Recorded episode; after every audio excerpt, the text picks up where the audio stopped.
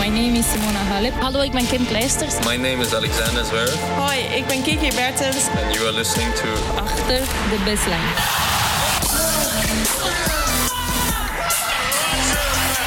Your champion, Novak Djokovic. Dit is Achter de Baseline. Vanuit Flushing Meadows. Met Abe Kuil en David Avakian. De US Open is begonnen en wat een binnenkomer hebben we gelijk gehad. Maria Sharapova tegen Serena Williams, de eerste avondsessiewedstrijd. Zit er net op. David, je zat in het stadion. Ik weet niet hoe het voor jou was. Ik zat te kijken en ik dacht eigenlijk, ja, de finale begint. Ja, Sharapova, Serena, zo'n setting. Ze komen de baan op. eh, de muziek ervoor natuurlijk. De openingsshow zoals we kennen bij de US Open elke maandag. eh, de eerste toernooidag. En de hele build-up, ja. En dan de twee wereldsterren. De twee grootste sterren mondiaal toch nog zeker van het vrouwentennis. Voor het grote publiek tegenover elkaar in een eerste ronde. Het had iets compleet onwerkelijks. Hoe waren jouw ervaringen? Nou ja, wat je zegt, die build-up vooral. Hè. Ik, Oh, ik even op- wachten. Jij zit weer in het mediacentrum? Ik zit, in, Mediacafé? ik zit in het Mediacafé en ehm, aangezien de dag nog niet voorbij is, waar wij wel al zijn begonnen met het opnemen, hoor je nog op de achtergrond van alles. Waaronder dus eh, ja, de, de omroepen van welke speler er op dit moment aankomt voor de interviews. Eh, Maria Sharapova komt bijvoorbeeld over eh, een kwartiertje en ik zit nu hier te kijken. ik zie Ser- Serena Williams nog bij een studio zitten bij een van de Amerikaanse collega-zenders. Dus alles is nog in volle gang hier. Maar ja, wat er dus net gebeurd is, uh, de avondwedstrijd, uh, de knallende opening, uh, ja, had het moeten zijn. Ik, ik zat daar op de eerste rij in, de, in, de in het fotografengedeelte weer. Dus ik heb alles van dichtbij meegemaakt. En het duurde natuurlijk ontzettend lang voordat het allemaal begon. Wat je zegt met die ceremonie, volkslied, een, een zanger die een optreden gaf dat veel te lang duurde. ja, en uiteindelijk is die wedstrijd dan gepland om 7 uur. Maar dan start het om, om wat is het, kwart voor acht ongeveer. Maar ja, goed, dat, dat werkt dan wel weer mee aan, aan die build-up en die spanning wordt daardoor opgebouwd. Waardoor het hartstikke leuk is dat het, uh, dat dan zo'n knallend affiche is. En niet bijvoorbeeld, uh, weet ik veel, Serena Williams tegen een of andere nummer, Lucky Loser of zoiets. Maar meteen tegen Sharapova. Maar ja, goed, we overtuigen ons elke keer weer als dit affiche op het programma staat dat het een spannende kanaller gaat worden. Maar elke keer is het eigenlijk gewoon hetzelfde liedje. En dat is dat Serena Williams gewoon vele malen te sterk is voor Maria Sharapova. Ja, ook na al die jaren. En kijk, ik, ik ga zitten naar zo'n wedstrijd en ik ga proberen te kijken van... oké, we weten het. Die zegenreeks die is al, uh, al gaande sinds 2004 van, Maria, van uh, Serena Williams op Maria Sharapova. Wat zal er nu anders gaan? Is er iets anders gegaan dan anders? Heb jij iets anders gezien bij Sharapova... dat ze een plan had om het om te draaien op de een of andere manier... Nee, het, het, was meer dat ik nu iets voelde van misschien gaat het anders. Omdat Serena toch de laatste jaren, sinds die zwangerschap, sinds ze terug is, heeft ze natuurlijk ontzettend goed gespeeld. Maar is ze ook af en toe aanzienlijk kwetsbaarder dan voorheen. Um, en het was een eerste ronde hadden we aangekaart. En Serena die is toch een speelster die in het toernooi moet groeien vaak. Op, ze komt altijd de eerste rondes wel door uiteraard, anders ben je niet zo succesvol. Maar het is wel uh, iemand die in de eerste rondes af en toe wat slordig is. Maar ja, goed, wat heeft Serena Williams nodig om vanaf uh, het eerste moment er te staan en helemaal 100% te zijn qua beweging, qua intensiteit? Nou, dat is een wedstrijd tegen haar grote nou ja, rivale, tussen aanhalingstekens, uh, Maria Sharapova. Ja, en dan zie je gewoon diezelfde patronen weer ontstaan ja. um, als anders natuurlijk. En ja, het begint natuurlijk gewoon met het feit... de service van Serena Williams is een wapen... en de service van Maria Sharapova is vaak een zwaktebod. Nou ja, zet dat tegenover elkaar. En dan heb je natuurlijk in al die ontmoetingen, als ik het even op één hoop gooi, al zo'n gigantisch verschil. Ja. Dat Williams haalt gratis punten met die service. Sharapova, die slaat over het algemeen meer dubbele fouten. Uh, en Serena vanuit de rally, zij is toch wat sneller, wat hè, een hogere handelingssnelheid heeft Ja. ze in huis dan een Sharapova.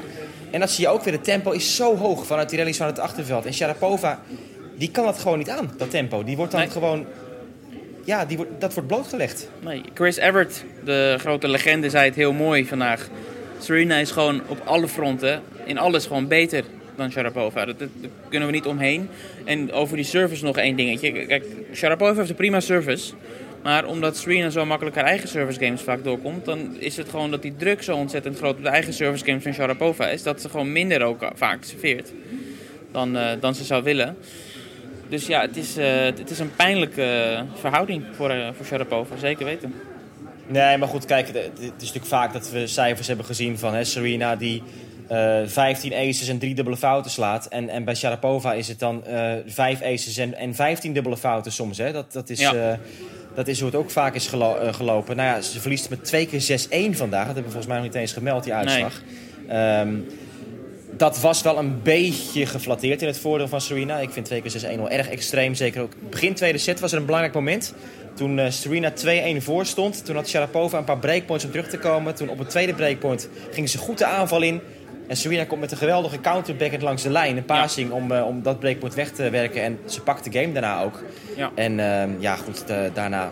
Ja, het daarna was er ook nog wat, meer. wat breekkansen geloof Ja. ik. Maar ja, het is allemaal op, op, op een eh, stand wat eigenlijk niet meer veel te halen was voor eh Sharapova. Maar wat wel natuurlijk opvallend is, nog één dingetje, is dat, dat we hebben het vaak over... Ja, je moet Serena proberen te, aan het lopen te krijgen. Maar ja, als je dan vandaag staat, staat te kijken, dan... Sharapova die slaat die ballen gewoon keihard in de hoek, maar Serena zit erachter. Precies. Dus, Nou ja, eh, en dat is, dat is ja. die fractie tijd die Serena... Serena heeft die handelingssnelheid, die kan makkelijker dan toch iets overnemen op zo'n manier dan Sharapova. Die Eens, wordt dan toch ja. met die langere benen en zo... Ja, zie je gewoon dat het moeilijker gaat bij, eh, bij haar. Ehm, ja, en, en dus is Serena echt uit de startblokken geschoten vandaag voor haar US Open campagne 2019. Natuurlijk was er een grote vraag van...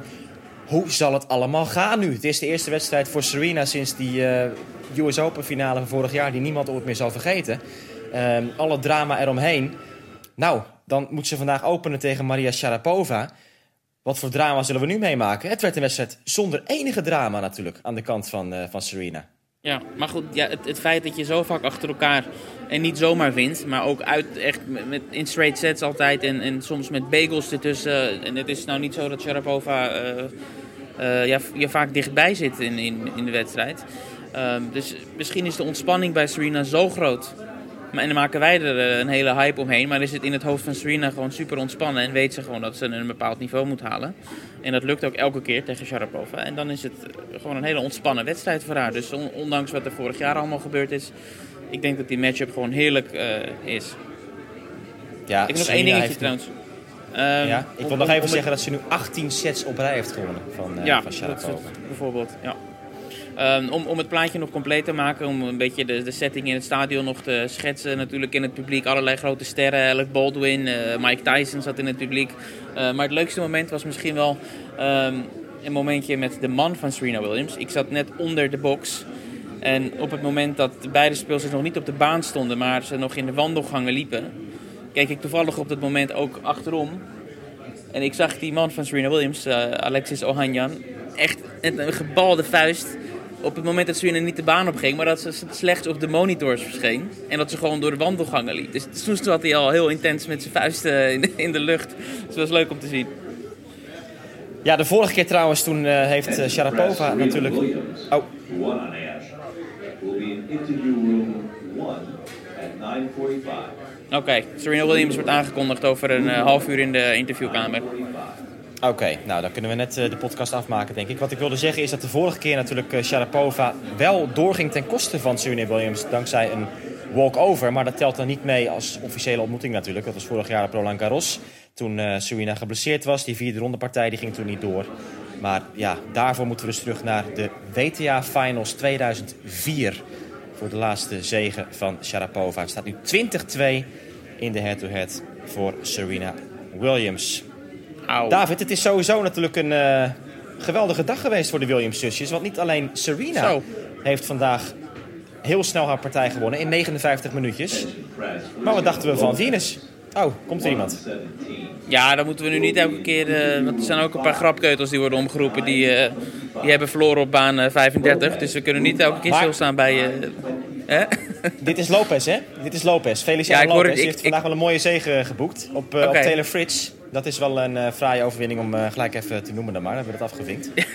ja. Maar, Venus over- Williams dus. Ja, Venus die, die heeft nog nooit in haar carrière in eerste ronde verloren hier op de US Open. En die, die mooie trend heeft ze doorgezet. En ja, en hoe ze verloor maar één game tegen de eh, Chinese Sai Sai Zheng. Of Zheng Sai Sai, ik vergeet elke keer die volgorde. Ja, ontzettend goed. En de vreugde en het plezier straalt er vanaf hè, bij Venus. Nou ja, maar we hadden het nog aangestipt. Eh Zheng heeft deze zomer een groot WTA-toernooi gewonnen in San Jose. Dus dat is toch wel eh, echt waanzinnig dat Venus daar met het verlies van één game eh, voorbij gaat aan die Chinezen. Dus bij elkaar hebben Serena en Venus vandaag drie games verloren. Dat is een lekkere binnenkomen voor de Williams-zusjes hier. Ja. Wat eh, trouwens ook het eh, 20-jarig jubileum is van de eerste Grand Slam-titel van een van de zussen. Dat was Serena, die Ja, ja. toen haar eerste major won hier in 1999 bij eh, de US Open toen. Dus ja, het is allemaal totale waanzin. Ehm, door maar, denk ik, David, naar eh, wat Ja. er nog meer is eh, gebeurd vandaag. Laten we even bij de vrouwen blijven. Dan de vroege wedstrijden even mee starten. Op baan 5 stond de halve finaliste van vorig jaar te spelen.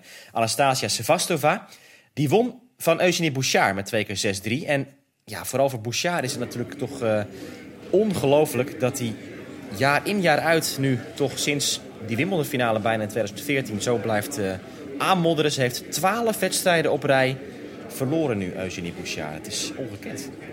Zeker, dat is ongekend. En ik kan me nog goed herinneren een gesprek dat ik voor dit toernooi had met eh, wat collega's. En we, wisten gewoon niet of ze wel in toernooi zat, Bouchard. Want op een gegeven moment, ja, ranking is zo aan het afgeleiden dat we gewoon niet, niet meer weten of zij meedoet. Eh, en ja, het is niet meer relevant. Ze is gewoon niet meer relevant. Nee, Jij zit, jij zit te lachen. Ja, ik hoor weer iemand die eraan komt, maar ik eh, Ja. ga niet goed horen wie het is.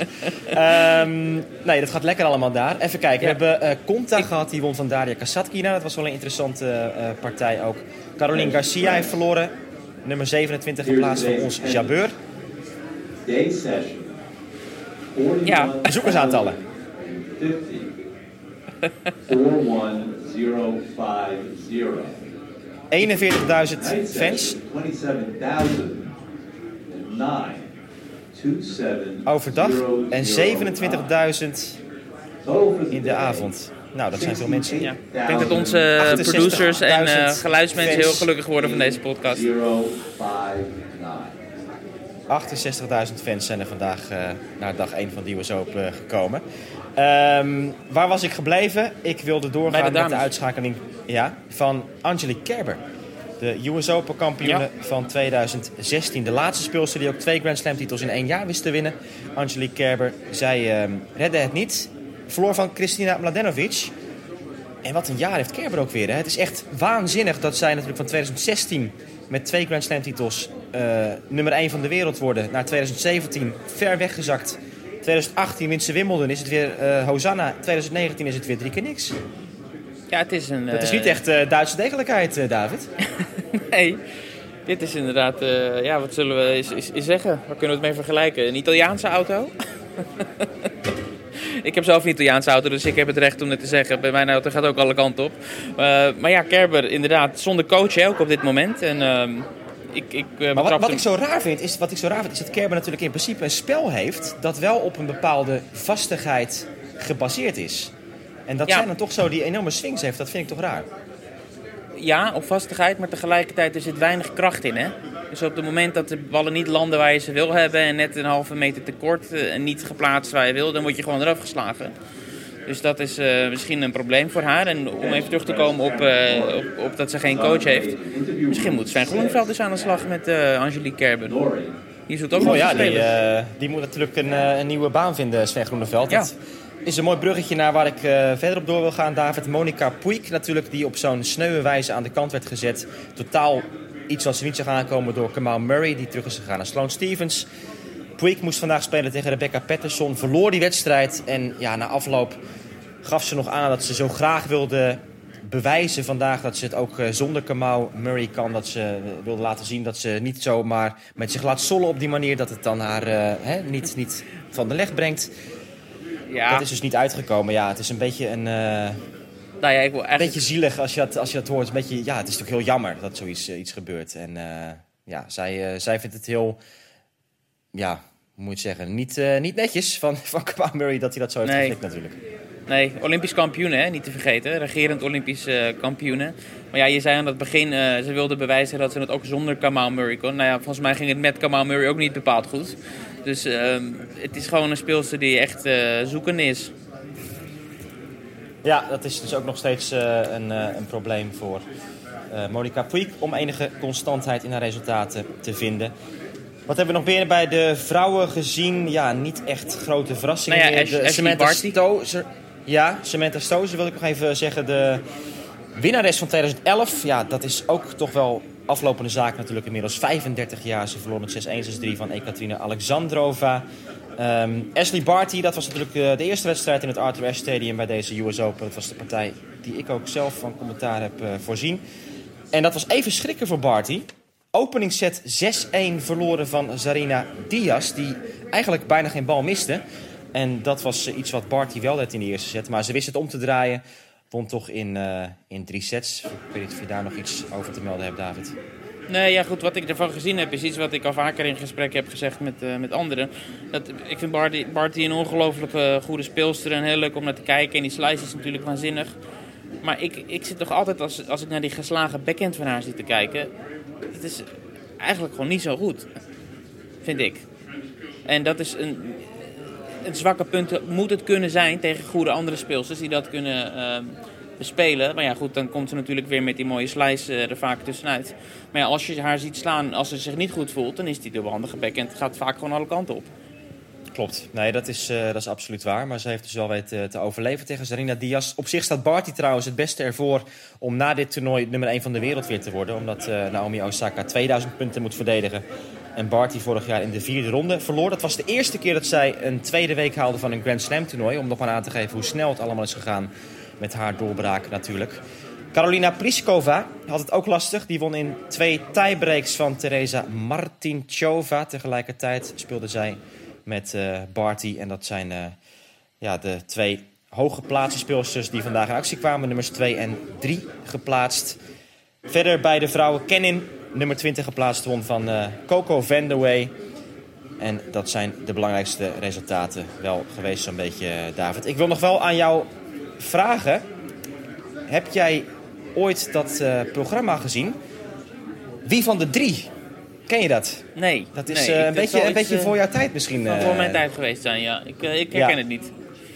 Nee, goed, het waren altijd, eh, het was een, een soort quizprogramma waarin dan drie mensen eh, werden neergezet die, die dan allemaal deden. Of één had althans het echte beroep, die was piloot. En de andere twee die deden alsof. En dan moest de kandidaat raden ehm, wie dus de echte eh, piloot was. Ik moest er een beetje aan denken, omdat je toch een soort ehm, Chinese variant kan bedenken eh, daarvan. Maar in China zouden ze iets kunnen doen van wie van de vier. Maar dan zijn alle kandidaten eigenlijk ook eh, de goeie. Hè? Ja, want we hebben natuurlijk een, eh, een, een, een, een lading aan speelsters die Wang heten in het schema staan. Het is niet te geloven. Het is Jafan Wang, Zhang Wang, noem die andere twee moet jij dan even noemen. Nou, dat, dat is helemaal. Wang Chang, dat is de beste. Dat is Ja. de nummer 18 geplaatst ook hier, dit toernooi. Eh, Wang Yafan is een leuke speelster ook. Maar dan heb je twee speelsters. Dat gaat echt voor problemen zorgen. De een heet Wang Xinyu. En dat is dan X-I-N-Y-U. En dan is er ook nog iemand die heet Wang Xiyu. Wang X-I-Y-U.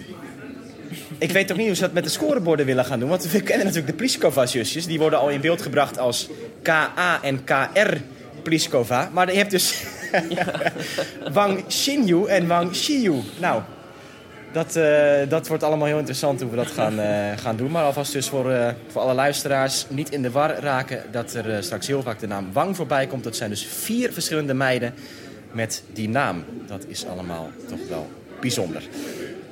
Zeker. Dat even terzijde, David. Ehm, ik denk, eh, ja, eh, Svitolina heeft nog gewonnen trouwens. Nummer 5 geplaatst ook van een eh, jong Amerikaans talent. Whitney Osh- Oshikwi. Oshikwi, dat is ook zo'n leuke naam. Ja. O-S-U-I-G-W-E. Lingo. Ehm, ja, en verder Maria Sakkari wint van Camila Giorgi. Maar we kunnen denk ik overgaan naar de mannen. Ja, en ik zie eh, vanuit mijn ooghoek eh, dat Roger Federer inmiddels is begonnen tegen Nagal, waar we het uitgebreid over hebben gehad. En ja, daarnaast, over leuke eh, namen. Het is een beetje de namenpodcast aan het worden dit nu. Ja, en landgenoot Wawrinka, die staat te spelen tegen die 18-jarige Yannick Sinner. Ehm, en die staat te serveren voor de set, dus dat is nog interessant. Ja, hij wint de derde set. 2-1 Oké. voor Wawrinka. Oké. Maar het- interessant. Oké, we gaan het volgen. Maar we moeten het denk ik nu gaan hebben over de wedstrijden die al gespeeld zijn. Dus Ja. eh Federer kunnen En- we niet opnemen in deze podcast, helaas. Nee. Bij de mannen was het eh, Novak Djokovic natuurlijk die eh, in de dagsessie Ja. in actie kwam. En hij won eenvoudig van Roberto Carballes Baena. Nou, daar gaan we weer met onze spelcursus van vandaag. Ehm, eh, goed, het was, het was wel even interessant. Want die Spanjaard die kwam er beter en beter in in de opening set. Had drie keer op rij 30 gelijk op de service van eh, Djokovic. Maar ja, de break viel dan toch aan de andere kant. En, en vervolgens, ja, het was natuurlijk gewoon een prima binnenkomer voor ehm, Novak Djokovic. De titel verdediger hier.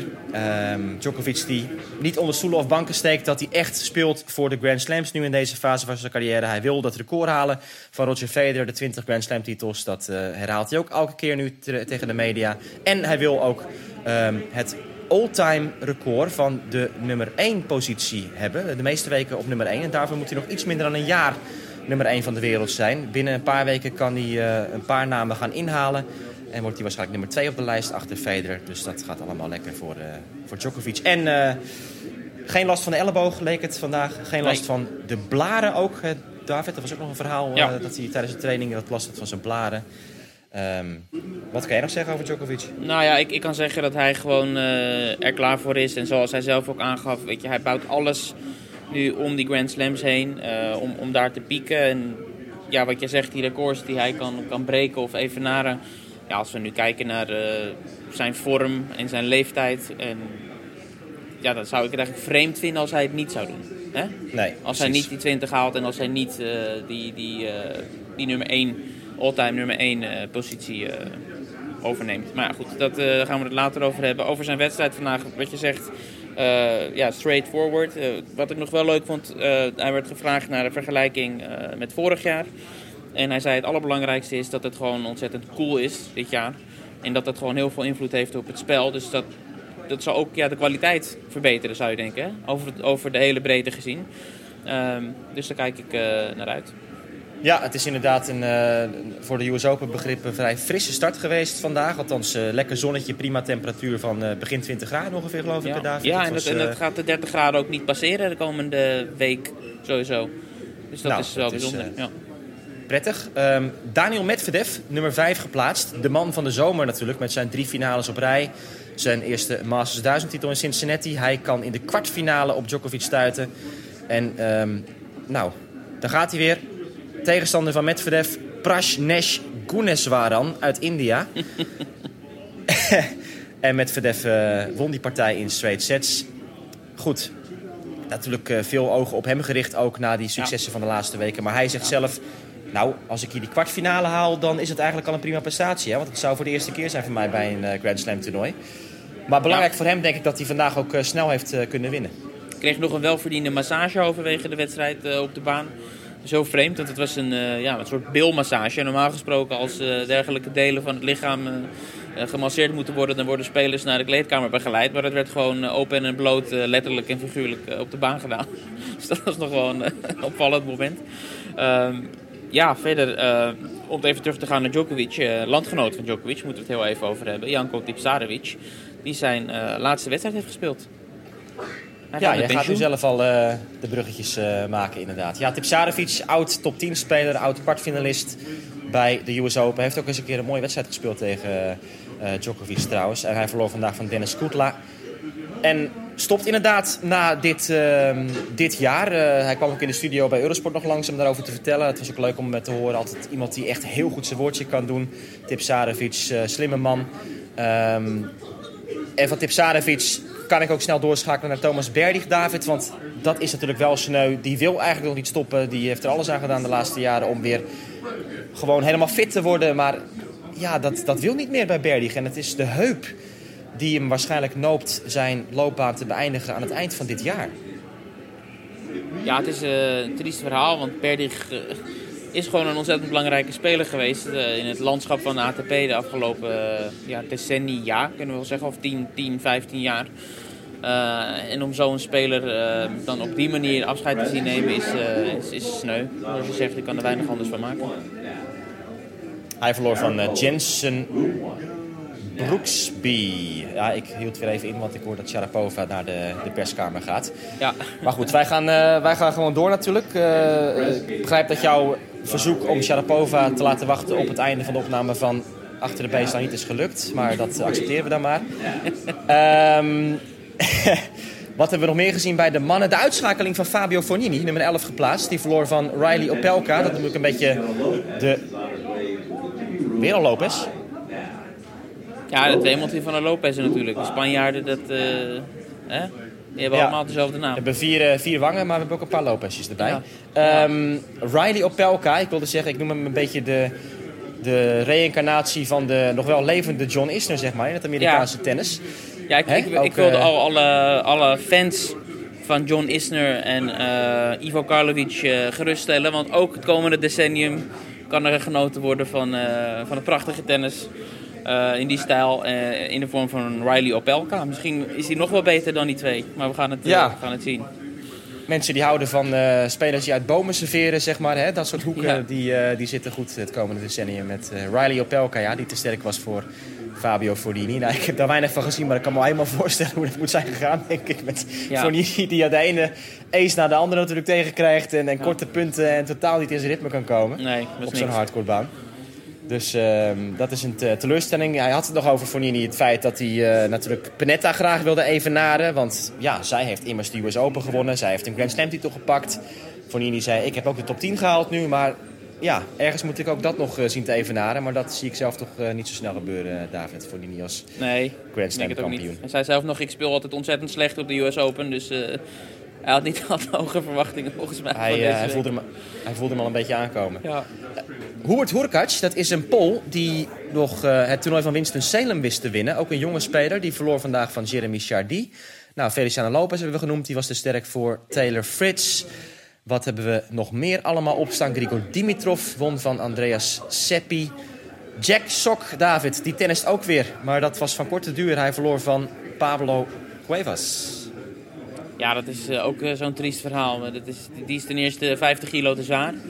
En ehm, die kan beter gewoon stoppen met dat singelen en zich focussen op de dubbel. Want daarin is hij, ja, voor, door velen wordt hij gezien als de beste dubbelaar ter wereld. Ehm, dus ja, nee, Hij kijkt een beetje neer hè, op het dubbelspel. Dat is een beetje zijn... ja, eh, heel vreemd dat hij dat doet. Want dat is denk ik echt de enige discipline waar hij nog iets, iets in kan bewerkstelligen. Borna Coric, nummer 12 geplaatst. Die, ehm, ja, ik had wel een beter jaar verwacht eigenlijk van Borna Coric. Maar hij eh, staat nog steeds aardig geclasseerd op de ranking. Van Evgeny Donskoy. Ik ben er volgens mij wel een beetje doorheen, eh, David. Basilashvili won in vijf sets van Marton Fucsovic. Ik vond Basilashvili vorig jaar hier geweldig spelen toen hij de vierde ronde haalde. En eh, tegen Nadal verloor, maar dat was echt een wereldpartij. En nou ja, verder, Federer begint nu net. Wawrinka is nog bezig tegen Yannick Sinner. En dan zijn we er wel ver, ver doorheen.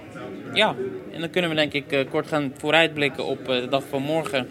Waarin eh, alle Zeker. Nederlanders in actie komen.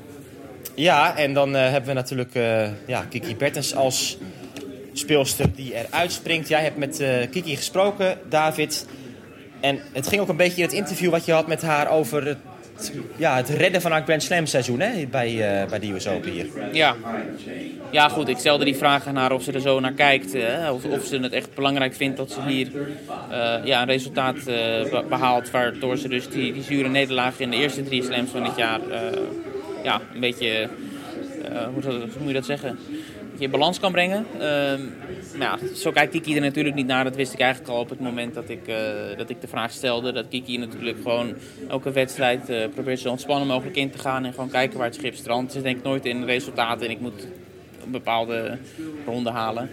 Eh, maar uiteraard hoopt ze wel dat ze, dat ze, een, eh, ja, dat ze een sterk resultaat neerzet. Want zij, ook zij beseft dat de Grand Slams natuurlijk de grote toernooien zijn... waar de, ja, de, de, de fan ook de meeste waarde aan heeft.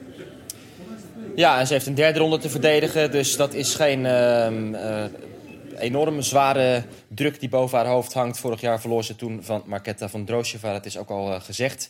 Ehm Risha Hogenkamp, natuurlijk leuk dat zij er weer bij is. Zij heeft twee keer aan de US Open meegedaan in 2016 en 2017. Eén keer won ze een wedstrijd in 2016. Zij heeft het lastig met een partij tegen Donna Vekic, de nummer 23 geplaatst. Ja, dat is natuurlijk een, eh, een, een hele zware loting voor uh, Richie Hogekamp. Ontzettend goede speelster, zeker op, eh, op de wat snellere baansoorten, Vekic. Eh, goed jaar draait ze ook. Volgens mij heeft ze ook een titel gewonnen eh, dit jaar ergens. Eh, nog heel jong, dus al een speelster die heel lang meedraait natuurlijk. Eh, maar ja, een soort reizende ster, eh, een eeuwige reizende ster, lijkt het te zijn. Ja, het is wel lastig voor Hogenkamp, denk ik. Want zij is natuurlijk vooral effectief als zij tegenstanders een beetje uit haar spel kan brengen. Maar Vekic Ja. heeft natuurlijk ook gewoon een heel vast spel in principe. Als, zij, eh, als ze wil, dan kan ze lang rallyen vanuit de baseline. En zie ik niet zo heel snel hoe Hogenkamp dat misschien eh, kapot kan Nee. spelen. Hoewel ja, als ze, als ze een beetje slices en zo kan gebruiken, wie weet. Maar Ja. het is gewoon echt een, eh, een zware partij. Robin Haase op papier ook echt een, een partij ja, die, die heel pittig is tegen Diego Schwartzman. Maar laten we nog even die statistieken herhalen, David. 5-0 head-to-head voor Robin Haase tegen de Argentijn. Ja, nou goed, dat, dat zal een vertrouwen geven, eh, Robin. Maar ik heb hem niet gesproken, dus ik, kan, ik, ik heb niet een, eh, een gevoel voor hoe hij ervoor staat op dit moment. Eh, het lijkt dat hij volledig bezig is met die wedstrijd en weinig tijd heeft voor, voor randzaken. Dus we gaan het morgen zien. En na afloop hoop ik hem wel te spreken of hij wint of verliest. Dat maakt er niet uit. Nee, hij heeft wel een eh, paar potjes gespeeld vorige week in Winston-Salem nog. Dus hij heeft wel wat wedstrijden in de benen. Het zijn partijen van de Nederlanders die worden gespeeld op eh, baan 17 voor Bertens. De tweede wedstrijd op baan 17. Dan eh voor Hogenkamp derde partij baan 12. Hazen derde partij baan 11. En eh, nou ja, goed, allemaal het kan eh, dus mooi te deels, zien in Nederland. Ja, allemaal van Ja, zal een beetje, een beetje overlappen waarschijnlijk, maar alles is te zien via de Eurosport Player. Dus dat is natuurlijk prettig. Dan de grote namen die in actie gaan komen op het centercourt. Daar hebben we Naomi Osaka, de titelhouster. Die gaat starten tegen Anna Blinkova. Dominic Thiem daarna tegen Thomas Fabiano in de avond. Nadal, John Millman en Stevens. Anna Kalinskaya met ook eh, Kyrgios in een avondwedstrijd in het Louis Armstrong Stadium tegen Steve Johnson. Ja, Kyrgios natuurlijk gaat weer spelen na die boete van 113.000 dollar die hij heeft gekregen na zijn vorige partij. Ja, en het, het is opvallend dat er nog helemaal geen uitspraak is gedaan over een eventuele schorsing. Wat eh, ja, op het moment dat hij al die dingen deed in Cincinnati, eh, ja, voor velen, door velen werd gezien als een soort eh, ja, logische ver- vervolgstap. Een no-brainer dat hij geschorst gaat worden. Maar ja, de ATP die, eh, die, die laat niks los. Dus misschien willen ze het een beetje of doodzwijgen, of het in ieder geval over de US Open tillen. Ik weet het niet. Nee. Ehm, nou, er zijn echt fantastische wedstrijden morgen. Eh, Azarenka, Sabalenka, ook eerste avondpartij Louis Armstrong Stadium. Coco Golf gaat spelen. Ik ben benieuwd wat dat voor hype mee gaat brengen. Die staat niet in het Arthur S Stadium, maar in het Louis Armstrong Stadium. Simona Halep gaat er ook spelen. Tsitsipas Rublev, de openingspartij. Het is echt eh, niet te geloven als ik het allemaal zo, eh, zo bekijk. Eh Muguruza Risk, dat mag er ook wezen. Ehm Shapovalov, Oje Aliassim. En Wozniacki tegen ehm, Wang Javan. Een van de vier dus. Ehm, eh, ja, het is eh, echt een dag om de Eurosport Player eh, aan te schaffen. Dat hoort u wel, want we hebben ook al die Nederlanders nog erbij. Het wordt een, een dag met meerdere schermen erbij pakken, denk ik, David. Wat, ehm, wat, wat staat voor jou op de radar, vooral buiten de wedstrijden van de Nederlanders? Waar kijk jij het meest uit? Als je één partij nog moet omcirkelen? Ehm ja, Tsitsipas Rublev is wel een omcirkelwedstrijd voor mij. En ja, gezien het feit dat ze samen zijn opgegroeid, Canadese duo uh, Shapovalov, uh, Oje Aliassim. Uh, maar ik wil ook graag zien hoe Osaka uh, ervoor staat. Ik heb vandaag bij Kiki de training gekeken en ze trainde naast Osaka. En die had een brace om haar linkerknie. Maar stond wel gewoon te timmeren en die kon alle kanten op bewegen en sprinten. En die deed allerlei oefeningen. Dus ze leek er klaar voor te zijn, lag op het gezicht. Dus, dus die is gewoon klaar om te spelen. Uh, ja, dat was nog leuk dat aan de ene kant Osaka naast Kiki stond en aan de andere kant Schwartzman, de tegenstander van Hazen. Uh, dus is, ja, en ook Kiki stond trouwens heel goed te trainen. De eerste training die ik zag gisteren was een beetje twijfelachtig. Een beetje nijdig was ze af en toe ook op wat er gebeurde. Liep niet helemaal, maar vandaag stond ze de bal echt goed te raken, Kiki. Dus hopelijk is dat goed nieuws. Moeten we verder nog iets horen, David, over jouw avonturen van, uh, van dag 1? Is er nog iets uh, opmerkelijks gebeurd achter de schermen? Of heb jij nog bijzondere gesprekken gehad of uh, incidenten meegemaakt of wat dan ook? Nou, ik heb een leuk gesprek gehad met een uh, Spaanse collega van Eurosport uh, en ik stelde hem de simpele vraag. Overigens is die clip te zien op de website van Eurosport en wellicht ook wordt het uitgezonden morgen. ik heb hem de vraag gesteld: van, vertel ons alsjeblieft iets over Paula Badosa, de tegenstandster van Kiki Bertens. Want daar weten we natuurlijk vrij weinig van, behalve dan dat ze tegen Kiki heeft gespeeld in Palermo eerder dit jaar. Uh, en, en ze, vertelde... ze, heeft, ze heeft uh, depressie gehad op uh, jonge leeftijd ook al. Dat, okay. dat vertelde... om, om met de druk mee te, om te gaan en zo. Ja. Dat, ja. ja. Nou, een leuk feitje nog is dat zij is geboren in Manhattan. Maar verder is, eh, is opgegroeid in, eh, in Barcelona. En eh, dat eigenlijk die wedstrijd tegen Kiki in Palermo en eigenlijk deze wedstrijd tegen Kiki vooralsnog de grootste wedstrijden uit haar carrière zijn. Tegen de grootste speelsters, dat zei, eh, dat zei die Spaanse collega van mij.